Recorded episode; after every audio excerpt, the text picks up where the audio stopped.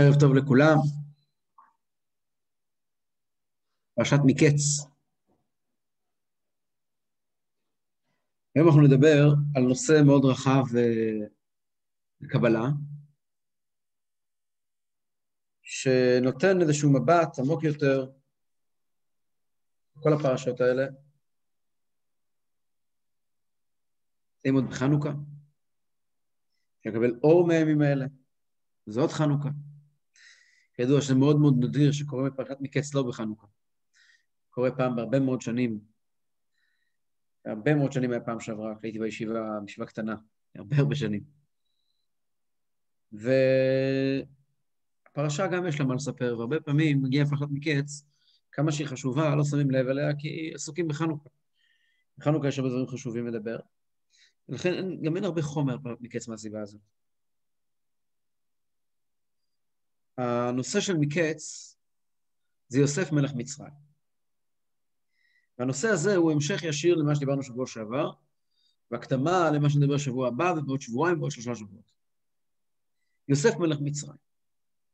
מבית האסורים יצא למלוך, יוסף הצדיק, בן של יעקב אבינו, שגדל בבית הקנאי ההדוק, החרדי כמעט, של יעקב אבינו, נעשה מלך מצרים, מי שמנהל את כל העולם כולו, מוציא ומכניס, מוכר, מחזיק את כל מצרים כעבדים אצלו. ועד כדי כך שברגע האמת, כאשר הם אחים שלו פוגשים אותו, דיברנו על זה שבוע שעבר, נאמר, ויכר יוסף את אחיו והם לא הכירו. הגמרא אומרת, למה הם לא הכירו אותו? כי יצאה מהם שלא בחתימת זקן, וכעת יש לו חתימת זקן, וההסבר הוא, הם לא האמינו, הוא הכיר כל אחד מהם. הוא ידע מי הוא ראובן ומי הוא שמעון וכן הלאה. והוא הכיר אותם, הוא הכיר אותם, הוא הבין איך הם אמורים להיראות עשרים שנה אחרי. הם לא העלו על דעתם שהיצור הזה, שקוראים לו יוסף, שהוא בן יעקב, איך שלא ניקח את זה, הוא בן של יעקב אבינו. הדבר הזה יכול לנהל את כל העולם כולו. הדבר הזה יכול להיות באמת מלך מצרים. לא, הם לא האמינו. לא האמינו, יצא מהם בלא חתימת זקן, חתימת זקן זה היכולת להשפיע כלפי מטה.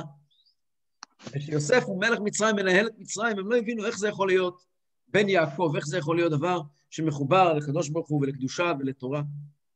וזה נקודת ההבדל בין יוסף לבין כל האחים. כשבעל התניא מגדיר, על כל השבטים נאמר, ששם עלו שבטים. כל השבטים עניינם הוא לעלות. על יוסף נאמר, ויוסף הורד מצרימה. יוסף תפקידו לרדת. דיברנו, השבטים נמשלו לבעלי חיים, אריה וחמור ונחש. בעל חיים בדרך כלל מגלה את כוחו ואת גבורתו כשהוא מתמודד עם איזושהי בעיה. כשהוא נמצא בשקט שלו, לא רואים את המיוחדות שלו. כשאריה יושב בג'ונגל, נח לעצמו, לא רואים שום דבר. כשאריה, כן, קרא רבץ כארי וכלבים מי הקימנו. אבל כשהוא מסתער על, על, על טרף, פתאום רואים איזה כוח יש לו, פתאום רואים איזה גבורה יש לו. אז אם מדברים על יהודה למשל, אנחנו נדבר עליו עוד הרבה מאוד בשבוע הבא, בעזרת השם. אז, אז הכוחות שלו זה להתגבר, בלהתגבר, ב... ואז כנמר וגיבור כארי. להתגבר פירושו, אני נמצא באיזושהי עמדת נחיתות, ואני מדלג ואני קופץ ואני מתגבר על הבעיה ועולה למעלה, ששם עלו שבטים. יוסף, לעומת זאת, הוא נקרא בן פורת יוסף, פורת, אמרנו מבעל התניא, הבאתי את זה גם בדף המקורות הזה, פורת אותיות תופר ואותיות אה, פותר. הוא מסתכל על הכל מלמעלה למטה. הוא כאילו מגיע לבקר בעולם, הוא לא מכאן. הוא לא מכאן. הוא מגיע לבקר כאן, אבל הוא לא מכאן. הוא מסתכל על העולם ולא מושפע ממנו. אין אתגרים לפניו. הוא לא צולח משברים. אז השהות של יוסף בבור, או במצרים אצל פרעה, או בתור מלך, היא לא ניסיון. לא ניסיון אחד, הניסיון של אשת פוטיפר. ובניסיון הזה הוא מסיים, הוא הופך להיות יוסף הצדיק. אין לו ניסיונות יותר. הוא נמצא בבור, הוא לא מתמודד עם אתגרים, הוא לא האדם הרגיל. האדם הרגיל היינו אומרים, תשמע, איזה בן אדם יושב בבור, מתגבר על זה, מצליח להגיע להישגים. לא, ויהי השם את יוסף, ויהי איש מצליח. יוסף לא, לא פוחד מהבור, ולא פוחד ממצרים, ולא פוחד בשבילו, הכל אותו דבר. הוא פותר את הכל והוא תופר את הכל, וכל הסיפור עומד סביבו. והוא, כאשר הוא יושב אצל יעקב אבינו, בתור ילד בן 17 ולומד איתו פרשת עגלה ערופה, כאשר הוא עומד בראש העולם כולו, בראש האימפריה של כל העולם כולו כמשנה למלך מצרים, הוא אותו יוסף, אני יוסף, העוד אבי חי, אותו יוסף, בלי שום שינוי, בלי שום הבדל. הוא לא חלק מהעולם, הוא יורד לעולם מלמעלה, מסתכל על העולם מלמעלה, למטה, והוא לא, לא מעורב. וכאן אנחנו מתחילים לדבר על, על נושא חשוב מאוד. למה באמת יוסף ירד למצרים? למה באמת סובבה ההשגחה העליונה שלפני שבני ישראל ירדו למצרים, זה שבני ישראל צריכים לרדת למצרים, דיברנו על זה בפרשת לך לך, בברית בין הבתרים. ואני אחזור על הדברים בקיצור נמרץ עוד מעט עוד פעם. אבל ההשגחה העליונה רצתה, קבעה, גזרה, שזרע אברהם ירד למצרים. שזרע אברהם ירד למצרים, ויהיה במצרים 400 שנה, או בפועל 210 שנים. מצרים יש ארץ, 400 שנה. ויצא משם ברכוש גדול. זאת הייתה גזירת השגחה העליונה. אבל השגחה העליונה גם רצתה, וזה לא היה חלק מברית בין הבתרים, זה לא חלק מתוכנית ה... מהתוכנית הכללית, זה פרטים בתוכנית, שלפני שבני ישראל ירדו למטה, יש פסוק, בחבלי אדם המשכם. הם ירדו למצרים בגלל ובעקבות יוסף. למה? ההסבר הוא, גם על פי פשט, גם על פי פשט, ובוודאי על פי האמת. יוסף יורד למצרים, הוא מחליק את הירידה של כולם למצרים. על פי פשט, הסיבה שקדוש ברוך הוא שם את יוסף במצרים, להיות המושיע הגדול של מצרים, וכאשר בני ישראל ירדו למצרים, ירדו בכבוד גדול. שיהיה להם קל, המעבר הזה, המעבר הלא פשוט הזה, להגיע למצרים. על פי האמת, יוסף הוא מלך מצרים ברמה הכי עמוקה שיש, כפי שנדבר היום. הוא באמת מלך מצרים. הוא לא רק טכנית מי שיושב ב... ב, ב מי שאינצ'ורג', מי שיושב על המפתחות ומחליט אה, אה, אה, אה, מה יהיה ואיך יהיה, אלא הוא באמת מלך מצרים, הוא באמת בעל הבית של מצרים. והוא באמת מרכך את מצרים, הוא הופך את כל מצרים כולה למין אה, מקום שהוא הופך להיות מקום שיכולים לטפל בו. אלמלא יוסף, השבטים היו מגיעים למצרים, לא היו יכולים לטפל במצרים. היות שאנחנו יודעים שהירידה של השבטים במצרים, של בני ישראל למצרים, היא כדי לטפל במצרים וכדי לנצל את מצרים, לניצלתם את מצרים, לרוקן את מצרים מהקדושה שיש שם, ויש שם קדושה, זה לא יכול להיות בלי יוסף. כי יוסף הוא מלך מצרים, כלומר הוא מגיע למצרים והוא הופך, הוא מרכך את כל ההתנגדויות. וגם כל מה שבני ישראל יעברו אחר כך, הם חייבים לעבור את זה בצורה כזאת. הם חייבים לעבור משברים, כי זה הדרך שבה יהודי עובד. יהודה הוא, הוא אריה, ויששכר הוא חמור, ודן הוא נחש, או אריה אצל משה רבינו, ובנימין הוא זאב, הם חייבים לעבור משברים כדי להראות מי הם. זה הדרך שהדברים עובדים. אבל יוסף מגיע לפני כן ומרכך את השטח. מה הכוונה? בפשט, כתוב גם בקבלה, שיוסף הגיע למצרים, הוא למעשה העביר למצרים את כל הכסף והזהב שבעולם. ולקט יוסף את כל הכסף. כלומר, את כל מה שיש, איזושהי אנרגיה קדושה של עולם התוהו, שדיברנו עליו בשיעורים הקודמים, שצריך להיתקן, יוסף הביא אותו למצרים. יוסף גרם בעצם למצרים להיות אה, עמק או משפך של כל הטוב של העולם. לקראת ההגעה של עם ישראל.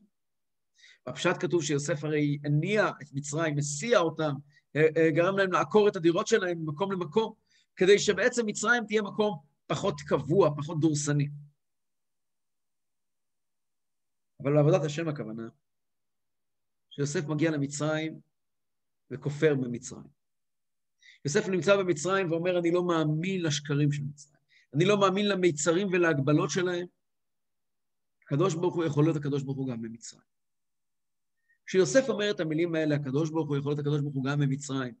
אני לא פוחד ממצרים, וליוסף נולדים שני בנים במצרים. זה שני, זה שני הסנפירים של ההתנהלות שלו, מנשה ואפרים. נדבר עליהם קצת בפרשת ויחי. מנשה ואפרים, שבעצם המשמעות שלהם היא, גם במצרים אני לא שוכח מאיפה באתי, זה מנשה, ואפרים, ואני לא פוחד ממצרים, אני אעשה במצרים מה שעשיתי בבית של אבא שלי, כי הפרני אלוקים בארץ עוני. בעצם מגיע ואומר למצרים, בוז מצרים, לא פוחד ממך, לא שם עלייך, לא מעניינת אותי. כשבני ישראל מגיעים למצרים אחרי הריכוך הזה, יש להם את הכוחות להישאר, כמו שהגמרא אומרת, כמו שחז"ל אומרים, ראובן ושמעון ירדו, ראובן ושמעון יצאו. כלומר, ה- היכולת של עם ישראל שלא להיטמע בתולדות מצרים, להיטמע בעין ולהיטמע באלף. למרות שהם בוודאי כן נטמעו קצת באלף. אבל העובדה, כמו שאומרים בליל הסדר, שהיו בני ישראל מצוינים שם, שיכולו להצביע מיהו יהודי, זה אך ורק בגלל מה שיוסף הצדיק עשה. אני ככה אומר בסוגריים עוד נקודה קטנה, ונתחיל לדבר על הנושא שלנו. שמעתי מהרבה, קשור קצת לנושא של חנוכה, ידי כהניך הקדושים. שמעתי מהרבה פעם, שהרבי הקודם, שקראו לו גם יוסף, הוא היה במצרים של הדור האחרון ברוסיה. וכידוע שהוא בז לשלטון הסובייטי, והוא גם היה בכלא. הוא יצא מהכלא, אבל הוא צחק מהם, הוא צחק מהם. הוא מעולם לא התמודד איתם, הוא תמיד לעג להם, הוא תמיד היה מעליהם, הוא ניהל רשת מחתרתית שעשתה מה שהוא רצה. ובסוף הוא יצא, הוא יצא, הוא יצא מרוסיה, אבל השאיר שם רשת חסידית שפעלה בלי הפסקה, מימיו ועד עצם היום הזה. כלומר, כשמדברים על ישיבת חב"ד במוסקבה, למשל, זו ישיבה שמעולם לא נפסקה. כך הלאה.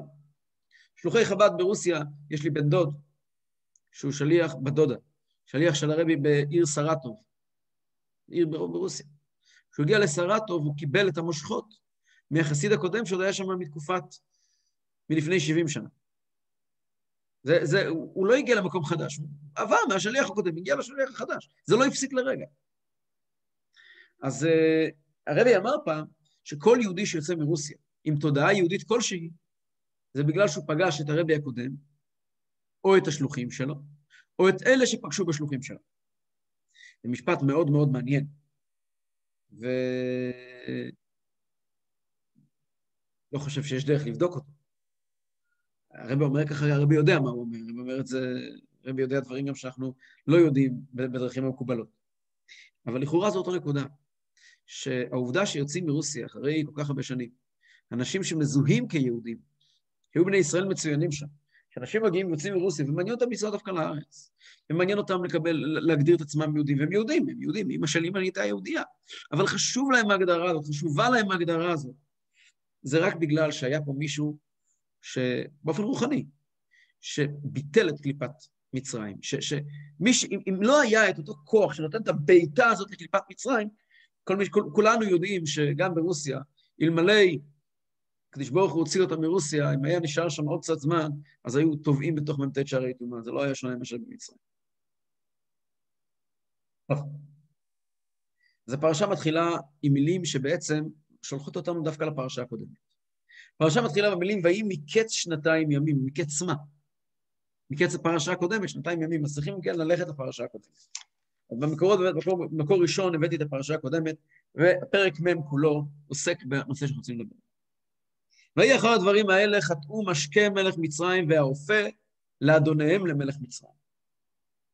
אנחנו רואים פה שתי תפקידים, שני תפקידים, שני שרים, המשקה והאופה. ויקצוף פרעה על שני סריסיו, ושם אותם במשמר, כן, מקום שיוסף אסור, אסור שם. אם כן, אנחנו מכירים בכל התורה שלושה משרי פרעה. שר המשקים, ושר הטבחים, ושר האופים. שלושת השרים האלה מוסבר ב, בספרי הקבלה, ריזל מסביר, אני פותח פה את תיקותי תורה לאריזה, נותן פה הסברים מאוד מאוד יפים על העניין הזה, ששלושת השרים האלה, הוא מסביר, פה בעצם מתחילים לדבר על שלושת שרי פרעה, המשקה, האופה והטבחים, הם קשורים להבין מה זה בכלל מצרים. ופה אנחנו מתחילים לדבר על מה זה בכלל מצרים. מה זה מצרים? אז אנחנו יודעים שהמרכז של הפיקוד של האדם נמצא בראש שלו, במוח שלו. ומהמוח יש שליטה לכל הגוף. אבל אחרי, אחרי הראש, לפני שמגיע לגוף, שהגוף הוא גדול ורחב, יש צינור קטן שנקרא גרון. בצינור הזה, הגרון, אמור לעבור כל מה שיש במוח אל הגוף. לא רק במוח, בראש. בראש, הראש מחולק בגדול לשני חלקים. יש את המוח ויש את המשרתים של המוח, שהם ביחד עם המוח. העיניים משרתות את המוח, האוזניים משרתות את המוח. כן, אנחנו מסתכלים, לוקחים נתונים, מעבירים אותם למוח. שומעים, לוקחים נתונים, מעבירים אותם למוח, המוח מאבד אותם. העיניים והאוזניים זה, זה, והאף הם uh, בגדול, האף הוא חצי-חצי, אבל האוזניים והעיניים הם בוודאי, uh, איך נקרא לזה, מחושים של המוח, או, כן, הם, הם, הם הדרכים של המוח להתמצא במרחב. גם למחשבים שלנו, שהם מוח, כן, אנחנו מצמידים להם מצלמה ו- ו- ויכולת של סאונד, של לשמוע. הפה הוא כבר לא רק קשור למוח, הוא בעיקר קשור לחלק התחתון שלנו, לגוף. בפה אנחנו אוכלים ושותים, שזה לא עובר למוח, זה עובר לבטן, זה עובר למערכת העיכול.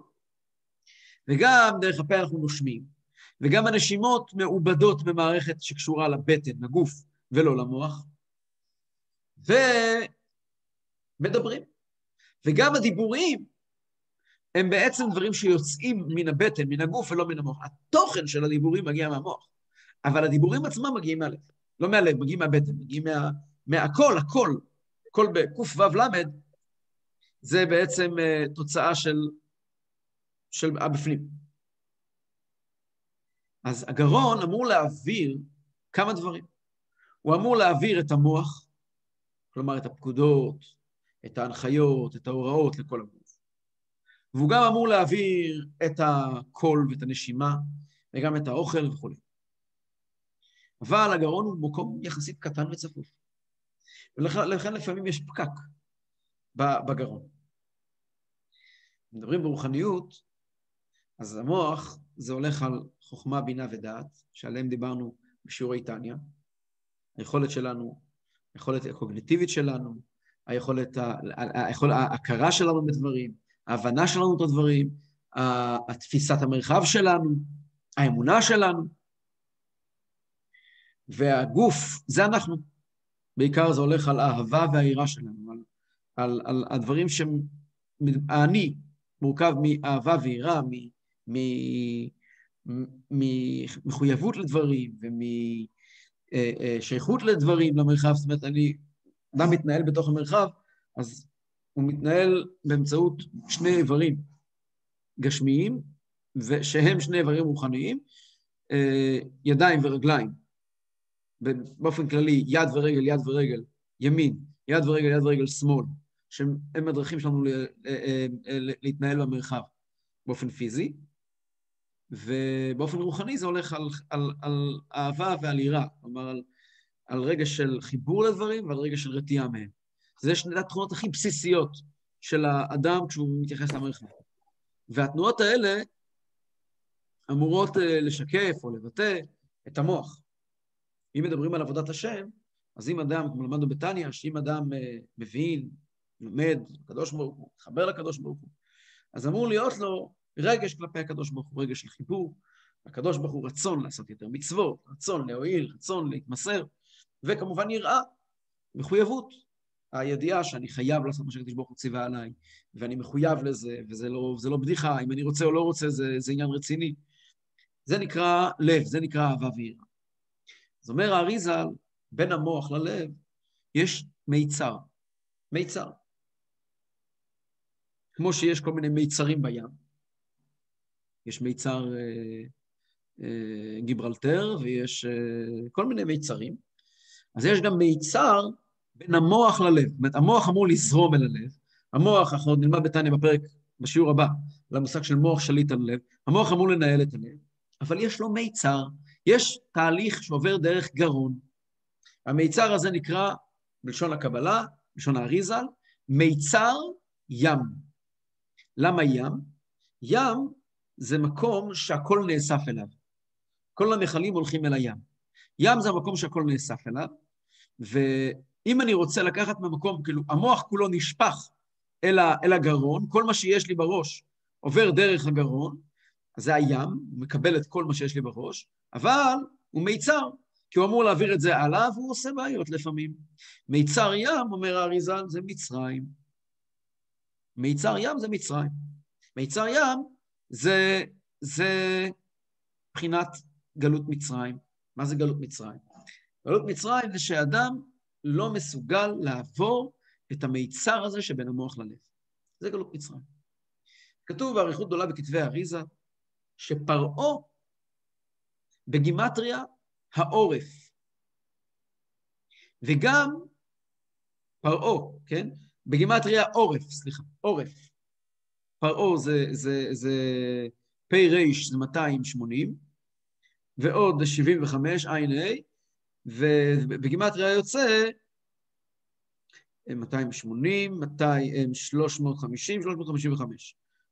355, בגימטריה עורף עם הכולל. גם עורף זה 356. אז פרעה בגימטריה עורף.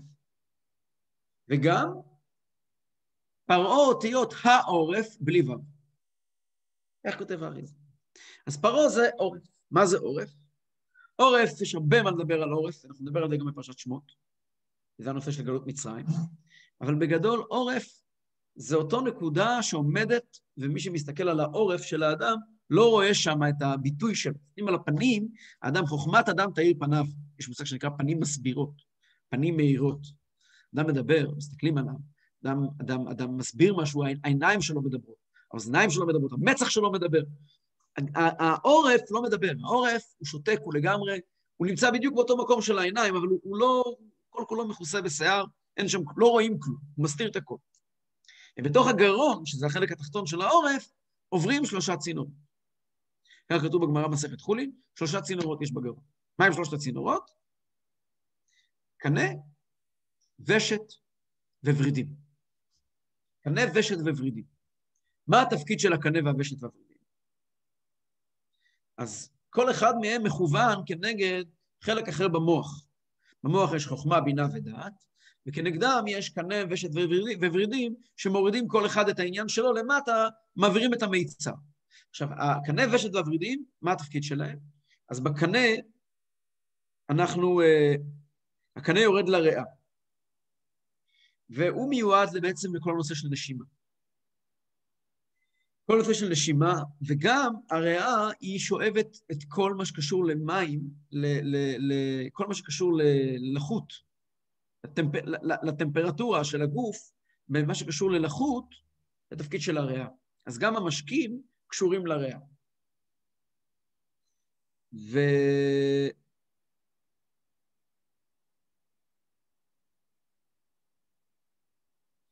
ואריזל מעריך, הרי דרך הקנה לא עובר טיפת מים. טיפת מים לא עובר דרך הקנה. אם יעבור מים דרך הקנה לסכנת נפשות.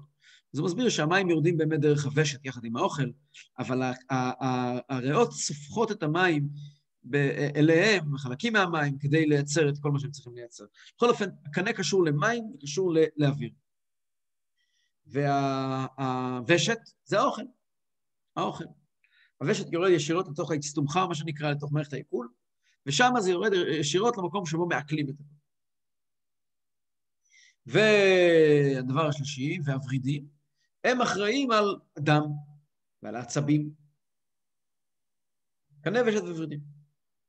והם, שלושת החבר'ה האלה, קנה ושת וורידים, הם ג' שרי פרעה, שלושת שרי פרעה. שר המשקים זה הקנה. למה הקנה? כמו שאמרנו מקודם, שהקנה קשור למים. שר האופים זה הוושת, כי הוא קשור למאכלים מוצקים. ושר הטבחים, טבח זה עניין של שחיטה, קשור לדם וקשור לוורידים. יש לנו משקה, יש לנו קנה, אופה, יש לנו אה, משקה, אופה וורידים. בעל התניא מעריך מאוד ששלושת ה... עכשיו, וכמובן שהאריזל לא מסביר את זה על פי, על, פי, על פי פנימיות, לא מסביר את הדברים, מה המשמעות שלהם בעבודת השם, הוא רק אומר, מעריך מאוד להסביר איך בגימטריה ואיך זה יוצא חשבונות מדויקים ונפלאים, שזה בדיוק יוצא הכל בגימטריה. אה, ומסתדר עם כל מה שרק מכירים בגוף האדם בצורה מאוד מאוד גאונית כדרכו של האביזם. אבל מה זה אומר? אומר בעל התניא, בעל התניא מלמד אותנו ככה. יש לנו שלושת שרי פרעה. מי הם שלושת שרי פרעה? שנייה. שלושת שרי פרעה זה שלושה דברים שגורמים למיצר הגרון להיות אפקטיבי. אדם יכול להיות אדם חכם מאוד, אדם משכיל מאוד, אדם מוסרי מאוד, אדם ערכי מאוד, וזה עדיין לא לוקח, כל מה שהוא יודע ומבין, לא משנה אותו בפנים. למה? שלוש, שלוש סיבות. סיבה ראשונה, קנה. מה זה קנה? קנה זה מים, שהמים פירושו תענוגות. אנשים שנמשכים לכל, כולנו נמשכים לכל מיני תענוגות, והתענוגות מושכים אותנו למקום נמוך ותחתון, ולמעשה לא מאפשרים לנו להתרומם ולהיות איפה שאנחנו רוצים ומאמינים שאנחנו רוצים להיות. אז נכון שאני מאמין ואוהב ומתחשק לי אלוקות, אבל בלב שלי, אבל במציאות החיים שלי, אני נמשך ונגרר שוב ושוב למקומות שאני לא נמצא שם, בגלל תאוות. כאן איזה תאוות, בגדול. מקומות אחרים מוסבר בחסידות. ככה אני ראיתי אצל הרבי מסביר, וכנראה שיש לזה מקור בספרים קדומים, אני לא מצאתי את זה לפני הרבי, אבל ראיתי את זה אצל הרבי, ו... ו... וברור לי שהרבי לקח את זה מחסידות לפני כן, זה לא חידוש של הרבי. שהקנה, העניין של הקנה, זה הצורך של האדם לבטא את עצמו. באמצעות דיבור, הרבה אנשים מדברים ומדברים ומדברים, מדברים את עצמם לדעת, כל הזמן מדברים. למה אדם מדבר? אדם מספר, הוא מתפאר על מה שהוא עושה.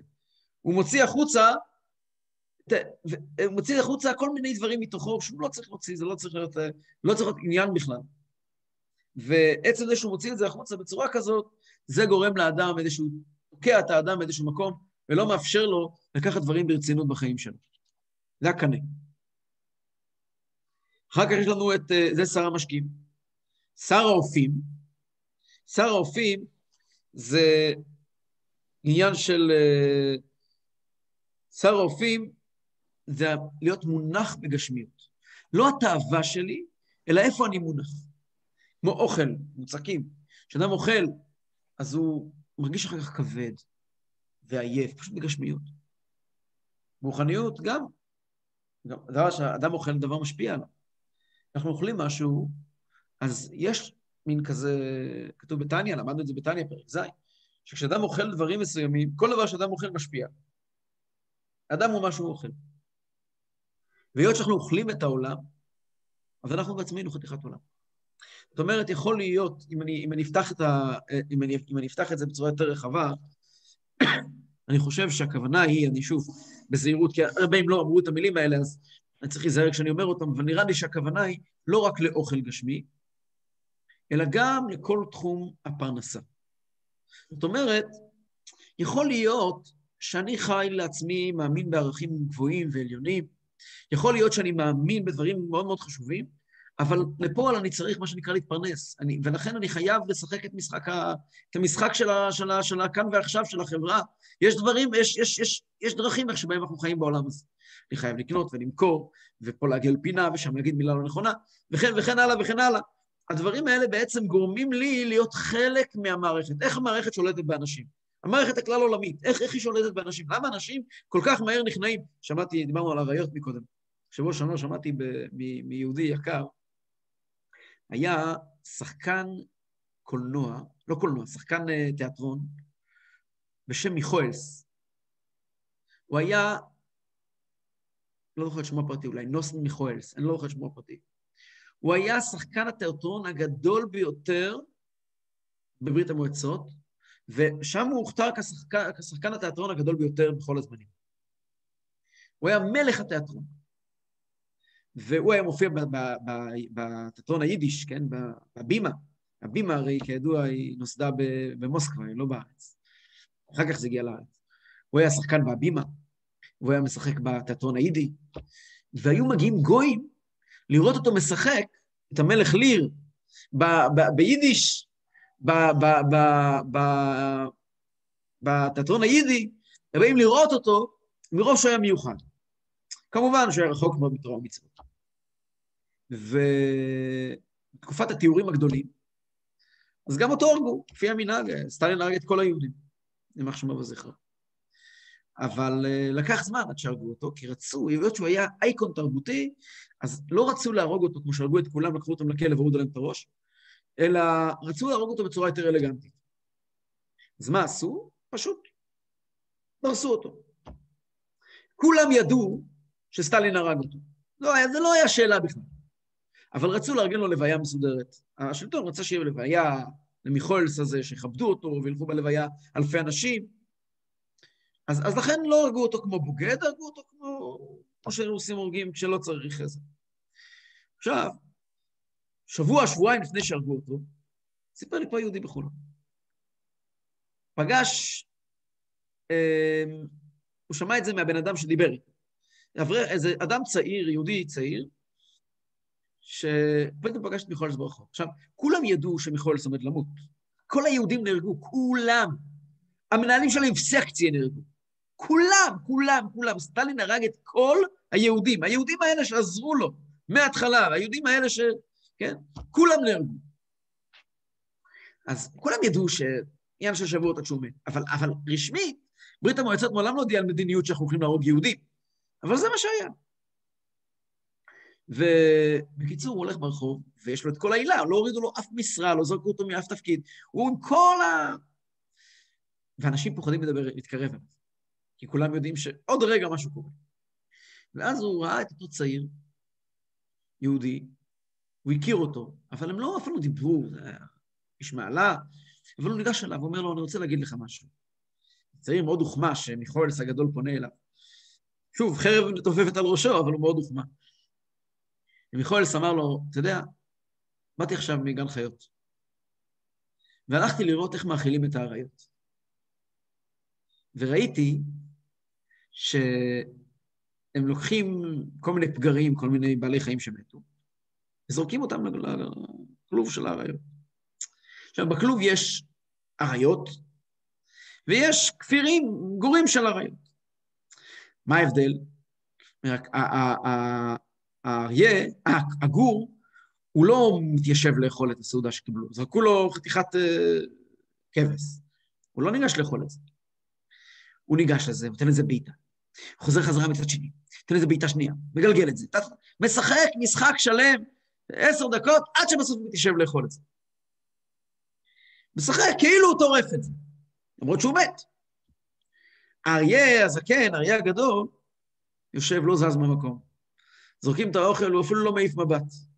ופתאום ככה הוא שולח את הכף יד שלו, לאט, לאט, לאט, לאט, לאט, תופס את הבשר, ומעביר את זה אליו לאט, לאט, לאט, באלגנטיות, בלי לקום מהמקום. מעביר את זה אליו, מתחיל לאכול. אומר מיכואלס לבחורצ'יק הצעיר, יודע מה ההבדל בין האריה הזקן לבין הכפיר הצעיר?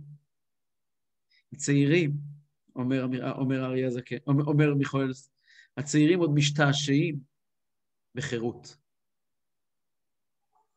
זה הסיפור. איך באמת לוקחים לבן אדם את היכולת להשתעשע בחירות? איך באמת הופכים אריה למשהו שלא יכול להשתעשע בחירות? יש הרבה כללים, איך שולטים על אנשים. ואחד הכללים זה שר, שלושת הכללים, שר המשקים, שר האופים ושר הטבחים. שר המשקים אמרנו מקודם, התאוותנות, תאוותנות גומרת אנשים. אנשים עזבו כל מה שרק יכול להיות בשביל תאוות. אנשים ויתרו על משרה חשובה, אנשים שעמדו בכבודו של עולם נזרקו לכלא כאחרוני הפושעים, כי לא יכלו לעמוד מול התאווה של עצמם. התאווה יכולה לגמור את האנשים הכי גדולים בתוך רגע, להוריד אותם לשאול תחתית. האופים, אם יורשה לי, נראה לי שהכוונה, בדברי רבותינו, נראה לי שזאת הכוונה, אני לא, לא יכול לחתום על זה, אני אומר את זה מכל ההסתייגויות, שהכוונה היא הצורך של האדם להתפרנס, הצורך של האדם לאכול.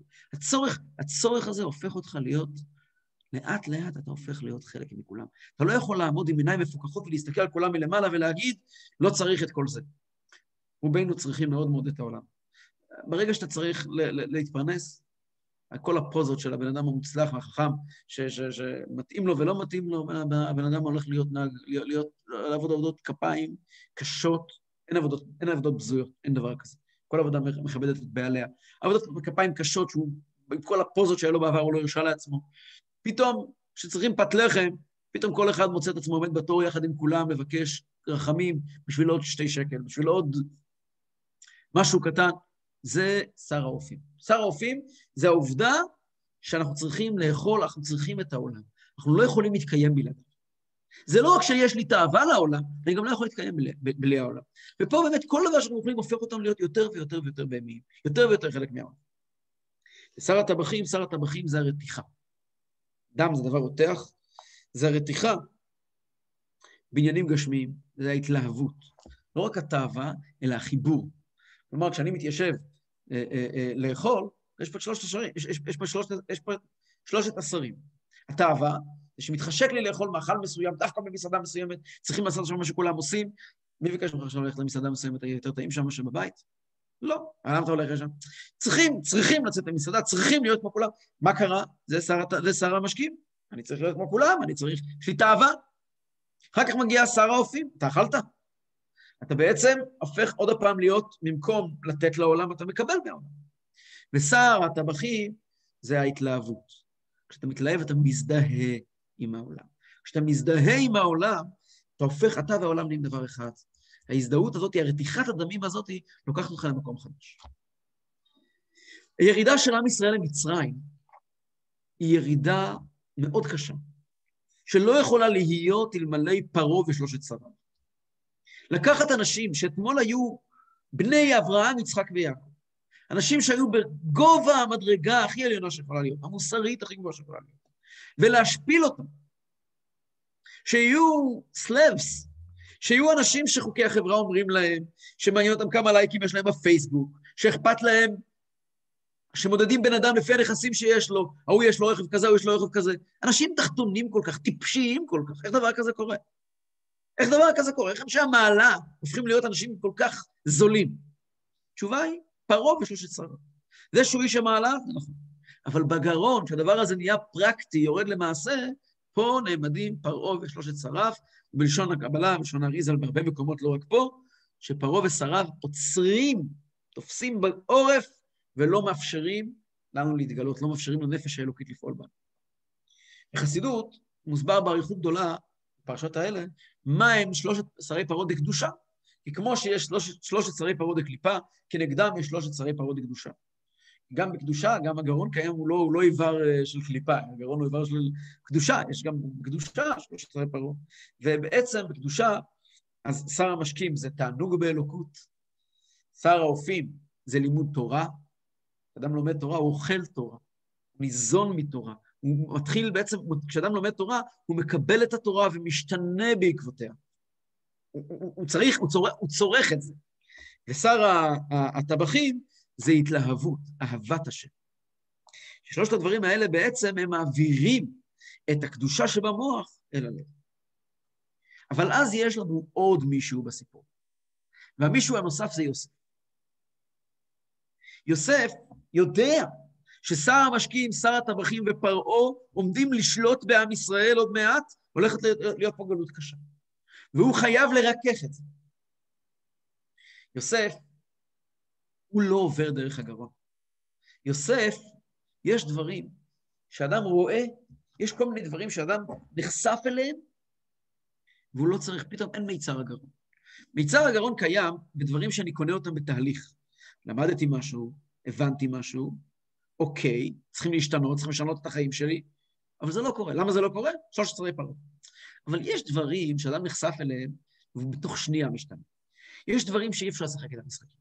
אדם רואה משהו, משהו מאוד מאוד אה, אה, משמעותי. אדם נחשף ל... ל... אני יודע, ל... ל, ל... מי שראה את הרבה. מי שראה את הרבה.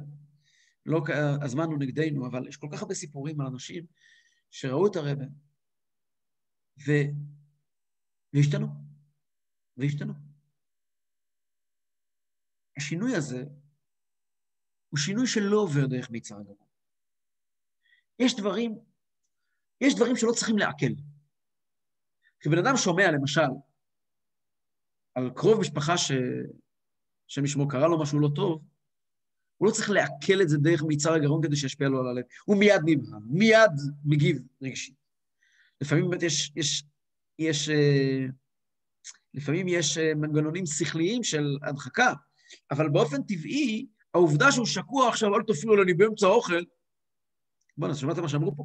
אדם יושב ואוכל, המון דברים הוא לא יכול לשמוע עכשיו. יש דברים שהוא שומע גם כשהוא באמצע האוכל. שהאוכל, מיצר הגרון לא יפריע לו. לא עורפים, לא משקים, באמצע התענוג הכי גדול שלו, באמצע הוא כעת, באמצע הוא מספר לכולם על הטיול שלו לדובאי. אמצע שר הכלים, אה, אה, שר, שר המשקים הכי חזק שיש. פתאום הוא מקבל טלפון עם הודעה פשוטה, לא טובה, או, או להפך, עדיף להפך. הוא שומע שהבן שלו נהיה חתן, הוא קופץ, וואו! זה, אין פה תהליך. עבר. זה ישר מהמוח ישירות ללב, בלי, בלי גרון. יוסף, שהוא מלמעלה למטה, לא עובר דרך שלושת שרי פרעה, הוא בעצמו מולך במצרים, הוא מסדר את כולם, הוא הוועדה המסדרת. יוסף הוא מושל במצרים, בלעדיך לא ירים איש את ידו ואת רגלו. כשיוסף מגיע, ההסתכלות של יוסף, שהוא פותר והוא תופר והוא, והוא, והוא, והוא, והוא פורט, כמו שדיברנו במפגש הקודם, אז, אז כל התהליכים האלה, התהליכים המורכבים של הבנתי משהו, וכעת אני צריך לאבד אותו, אחרי שאיבדתי אותו, אני צריך לה, להעביר אותו ללב, ובדרך יש כל מיני הפרעות. אצל יוסף אין הפרעות, הוא גם לא יורד. גם כשהוא למטה, הוא לא למטה, הכל אותו דבר, שום דבר לא מפריע. כשיוסף יושב ורואה את שר המשקים ושר הרופאים, הוא יודע בדיוק מול מי הוא יושב. וכשהוא שומע את חלומו של שר המשקים, הוא שומע את מה ששר המשקים לא שומע. מה ששר המשקים חולם, כל חז"ל מלאים על זה. מעניין ששר הרופאים אין הרבה חומר, חיפשתי. בחסדות אין כמעט מילה על שר הרופאים, על, מה, על החלום שלו. וגם במדרש ובגמרא אין כמעט חומר על שר הרופאים, רוב החומר הוא על שר המשקים. ובגמרא יש סוגיה שלמה במסכת חולין, יש לכם את זה במקורות, ובמדרש, כמה וכמה אפשרויות להסביר מהו החלום של שר המשקים.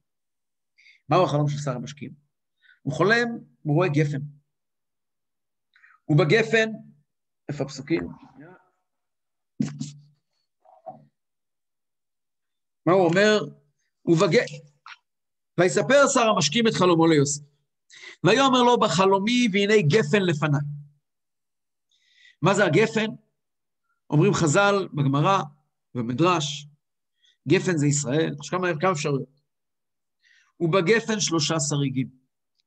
מי זה שלושה שריגים? אחד ההסברים זה אברהם, יצחק ויעקב, שהם בעצם האבות של הגפן הזה. והיא כפורחת עלתה ניצה, זה הולך לשלושת האימהות, הבשילו אשכלותיה הענבים.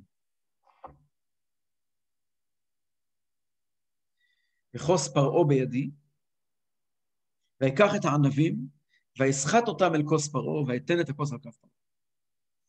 מוסבר בזה באמת במדרשים ובגמרא, דברים שצריכים הבנה.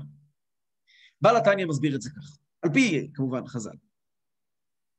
עיניו, עם ישראל נקראים גפן. והם גפן בעיקר על שם השהות שלהם במצרים. יש פסוק, גפן ממצרים תסיע. תגרש גויים ותתאר.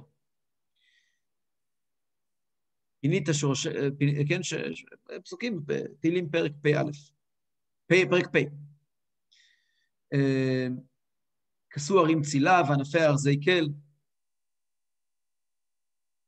יש שם תפילה מיוחדת, אלוקים צבאות שוב נא. הבט משמיים הוא רואה, מי שמכיר את המנגינה של בן דיוויד, בכלל זה משמעות אחרת לגמרי.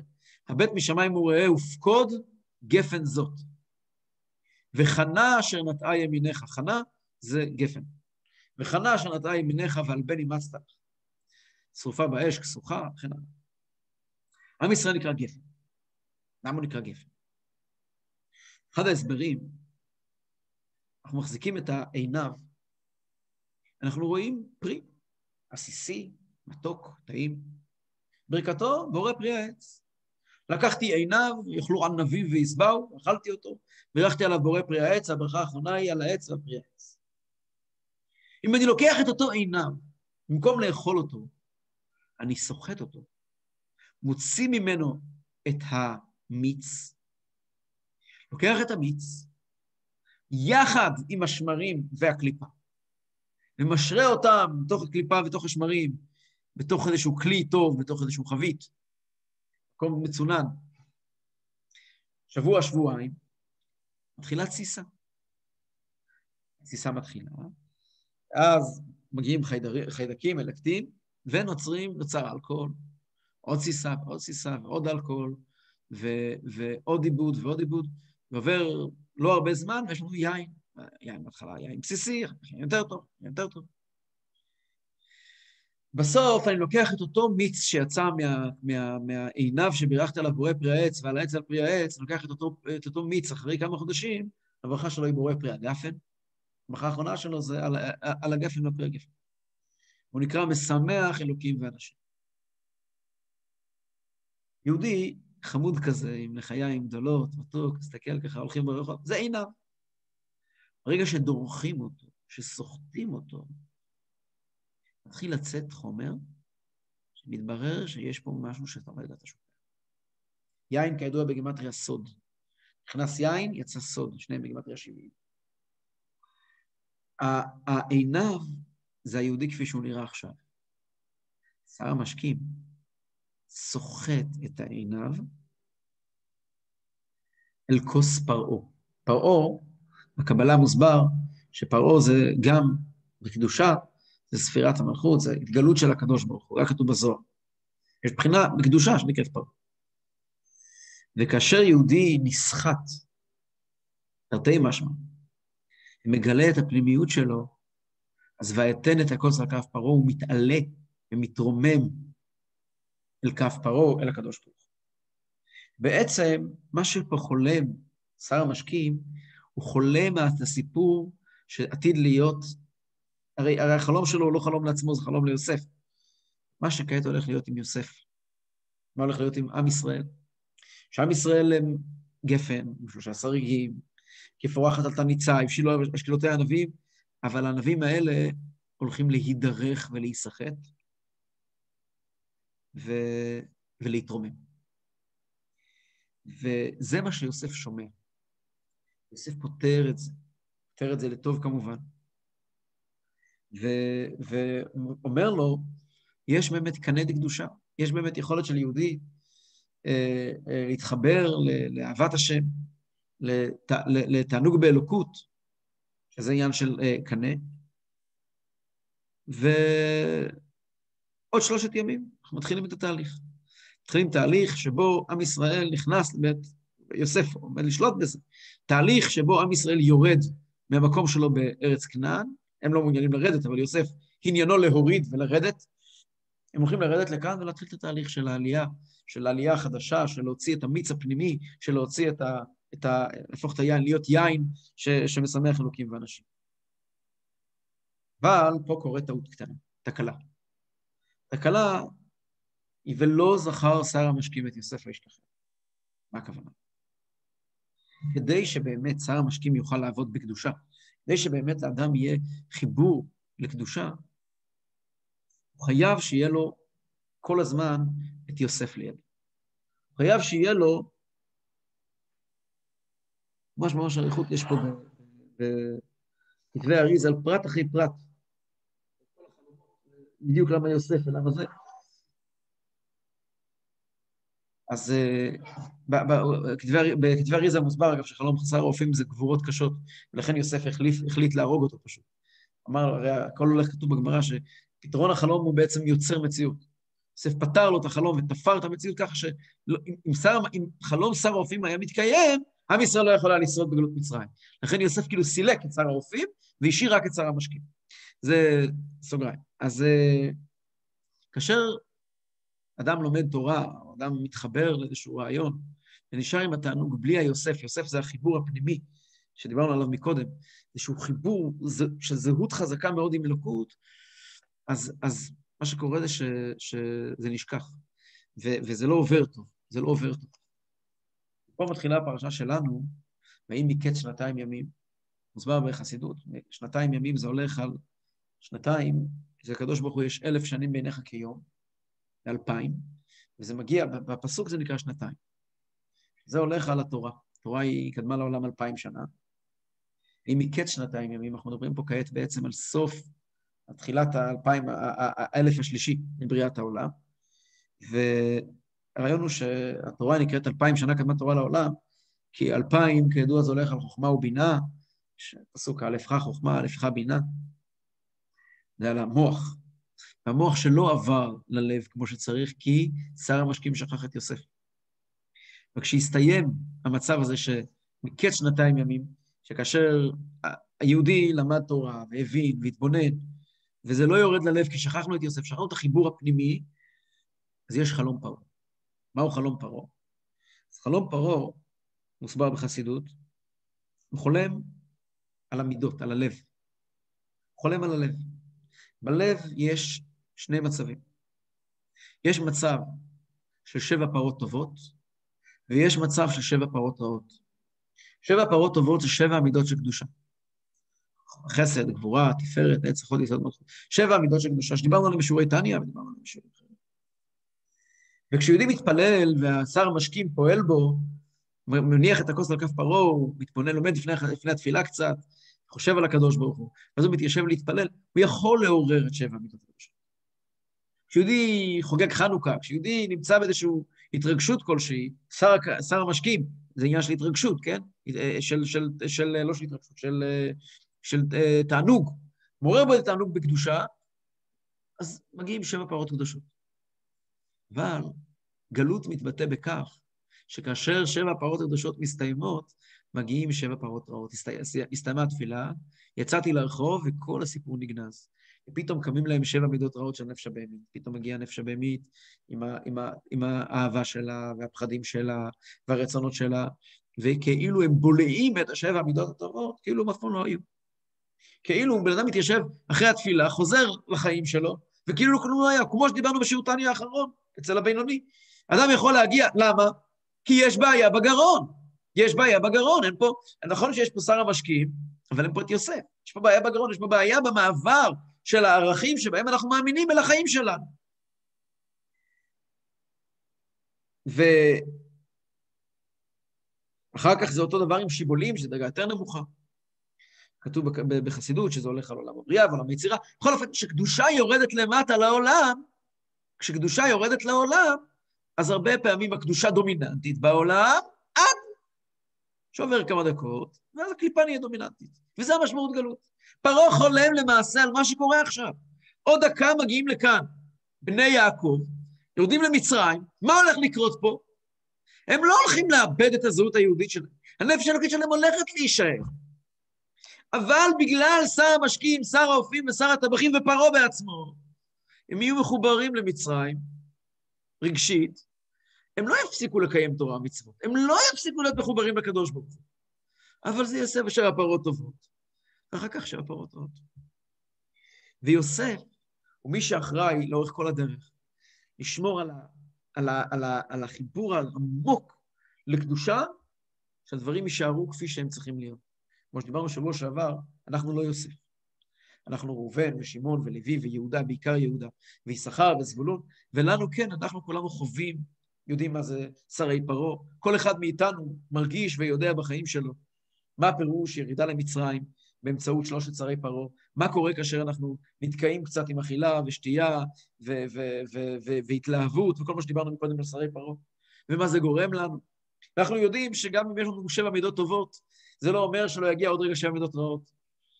אנחנו גם יודעים שיש יוסף, שיש רבה, שיש אדם שהוא מרומם מעל הטבע, שיש אדם שמסתכלים עליו, מרימים את העיניים, מסתכלים עליו ורואים יש כאן אמת, אמת שהיא לא נתונה לשינוי.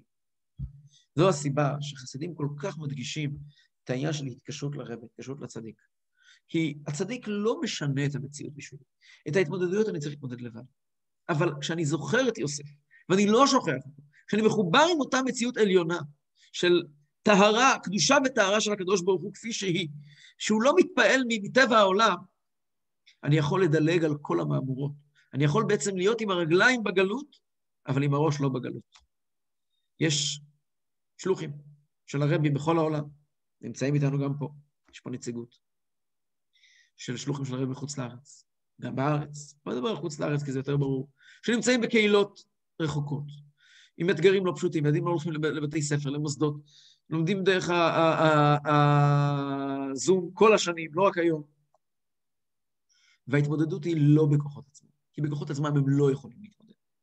כי, כי מאוד מהר, כל בן אדם שמגיע לחו"ל, מאוד מהר מגיע שר המשקיעים ואומר לו, תשמע, יש פה דברים מעניינים. מגיע שר האופים ואומר לו, אתה חייב ליצור קשרים חברתיים, אתה מחויב פה לחוקי המדינה, אתה מחויב לחוקים חברתיים מסביב, אתה מחויב לכל מה שקורה כאן. מגיע שר הטבחים ואומר לו, איזה יופי, בוא תתלהב. והוא מאבד את הזהות שלו. אין אפשרות אחרת. אז גם אם הוא יהודי, ובחנוכה מדליק נרות חנוכה, את הזהות שלו הוא מאבד. שליח של הרבה שנמצא בחוץ לארץ, ועל זה יעיד כל מי שביקר אי פעם אצל שלוחים. מקיים לו כפר חב"ד קטן, בעיר קטנה, בגרמניה, בעיר קטנה או גדולה בגרמניה. מקיים לו כפר חב"ד קטן שם. איך זה יכול להיות? זה לא כוח שלו, הוא לא יכול לעשות דבר כזה. זה כי הוא זוכר את יוסף. זה הוא מחובר לאיזושהי אמת שגדולה ממנו. בחיים שלנו אנחנו מתמודדים עם לא מעט בעיות. בהחלט, שרי פרעה, המשקיעים והאופים והטבחים מאיימים עלינו, מאיימים, אנחנו מאמינים בהמון דברים נכונים. אנחנו מאמינים ב... בהמון ערכים, מנסים לחנך את הילדים שלנו עליהם. וכל הזמן אנחנו חוזרים ונופלים, חוזרים ונופלים. ושיעור חסידות, החיבור לרעיונות האלה, שאותם אנחנו לומדים כעת, של הרבים, הם, הם בעצם אמור להיות לנו מין, מין אה, מרחב, מרווח נשימה, איזשהו דרך להרים את הראש מעל המים ולקבל כוח להסתכלות אחרת קצת על הטבע. זו לא, זו לא ההסתכלות שלנו, זו ההסתכלות של הצדיק, אבל מכוח ההסתכלות הזאת אנחנו יכולים לחזור חזרה להתמודדויות שלנו ולהתמודד איתן נכון. אה, בשולי הדברים,